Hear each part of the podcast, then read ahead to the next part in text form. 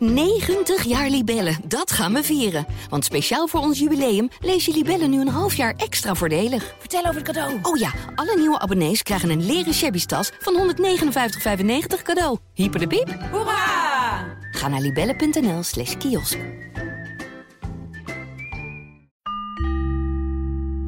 Alice in Wonderland. Achter de spiegel. Aflevering 52. Door Nasreddin Jar. Overmand door slaap heeft de witte koningin haar hoofd op Alice's schouder gelegd. Ze is moe, het arme mens, zei de rode koningin. Strijk haar haar glad. Leen haar jouw slaapmuts en zing een kalmerend slaapliedje voor haar. Ik heb, ik heb geen slaapmuts bij me, zei Alice, terwijl ze probeerde de eerste opdracht uit te voeren. En ik ken geen één kalmerend slaapliedje. Dan moet ik het zelf maar doen, zei de rode koningin en ze begon. Suja, suja, majesteit, knap maar een uiltje op Alice haar schoot. Tot het bal heb je nog even respijt. Alice gaat dansen met wit en met rood. En nu je de woorden kent, voegde zij toe, terwijl zij haar hoofd op Alice's andere schouder vlijde, moet je het nog eens helemaal voor mij zingen. Want ik begin ook slaap te krijgen. Een ogenblik later waren beide koninginnen diep in slaap en luid aan het snurken.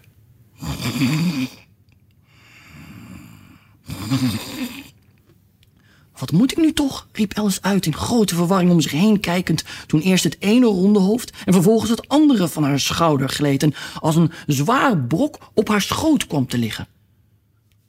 Het wel nooit eerder zijn voorgekomen dat er iemand op twee slapende koninginnen tegelijk moest passen. Nee, in heel de geschiedenis van Nederland niet. Maar dat kan ook niet, hè? want er was nooit meer dan één koningin tegelijk. Word toch eens wakker, zware meisjes, ging zij op ongeduldige toon voort. Maar er was geen ander antwoord dan een zacht gesnurk. Het gesnurk werd per minuut duidelijker en klonk meer als een wijsje.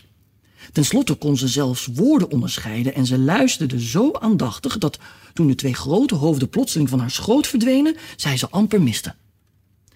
Ze stond voor een gewelfde deuropening waarboven in forse letters de woorden Koningin Alice stonden en aan elke kant van de boog zat een koperen trekbel.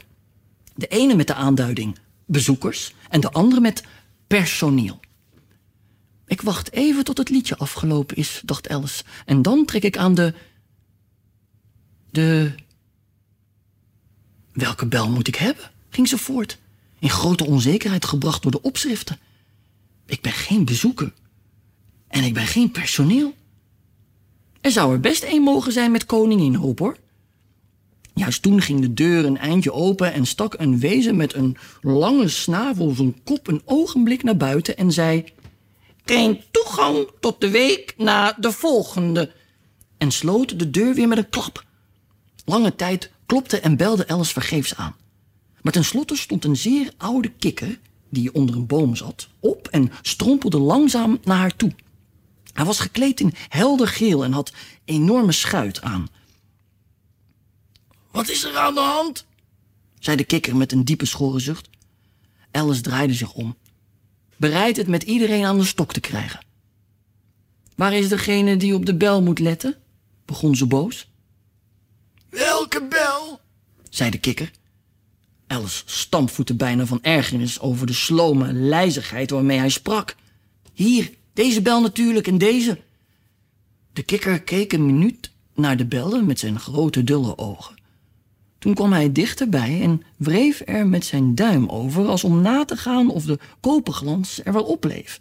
Toen keek hij naar Alice. Hoezo op de bel letten? zei hij. Glimmen ze niet als spiegels? Hij was zo schor dat Alice hem nauwelijks kon horen. Ik, ik weet niet wat u bedoelt, zei ze. Spreek ik dan Frans soms? ging de kikker voort. Of, of ben je doof? En geklopt heb ik ook nog, zei Alice ongeduldig. Moet je niet doen, moet je niet doen, mompelde de kikker. Ken hij niet tegen namelijk? Toen ging hij op de deur af en gaf hem een trap met een van zijn grote voeten. Jij doet hem niks, hijgde hij terwijl hij terugstrompelde naar zijn boom. En hij doet jou niks. Gesnopen? Op dit moment werd de deur opengegooid en klonk er een schelle stem die zong... Ik heb een staf in mijn hand en een kroon op mijn hoofd. Dit is allemaal door de ridder beloofd. Komt spiegelbewoners, van klein tot zeer groot. Dineert met de dames, twee wit en één rood. En honderden stemmen vielen in met het koor. Dus vult nu de glazen zo vlug als dat gaat. Bestrooit dan de tafel met vogeltjes zaad. Stopt kat in de koffie en muis in de thee. En heet Alice welkom met twintig keer twee. Daarop volgde een verward lawaai van bijval en Alice dacht bij zichzelf... Twintig keer twee is veertig? Zou er wel iemand tellen? Even later was het weer stil en dezelfde schelle stem zong een ander versje. O spiegelbewoners, sprak Alice, komt hier. Het is uw voorrecht als mens en als dier. Het is een eer op de thee te zijn, een deel van dit.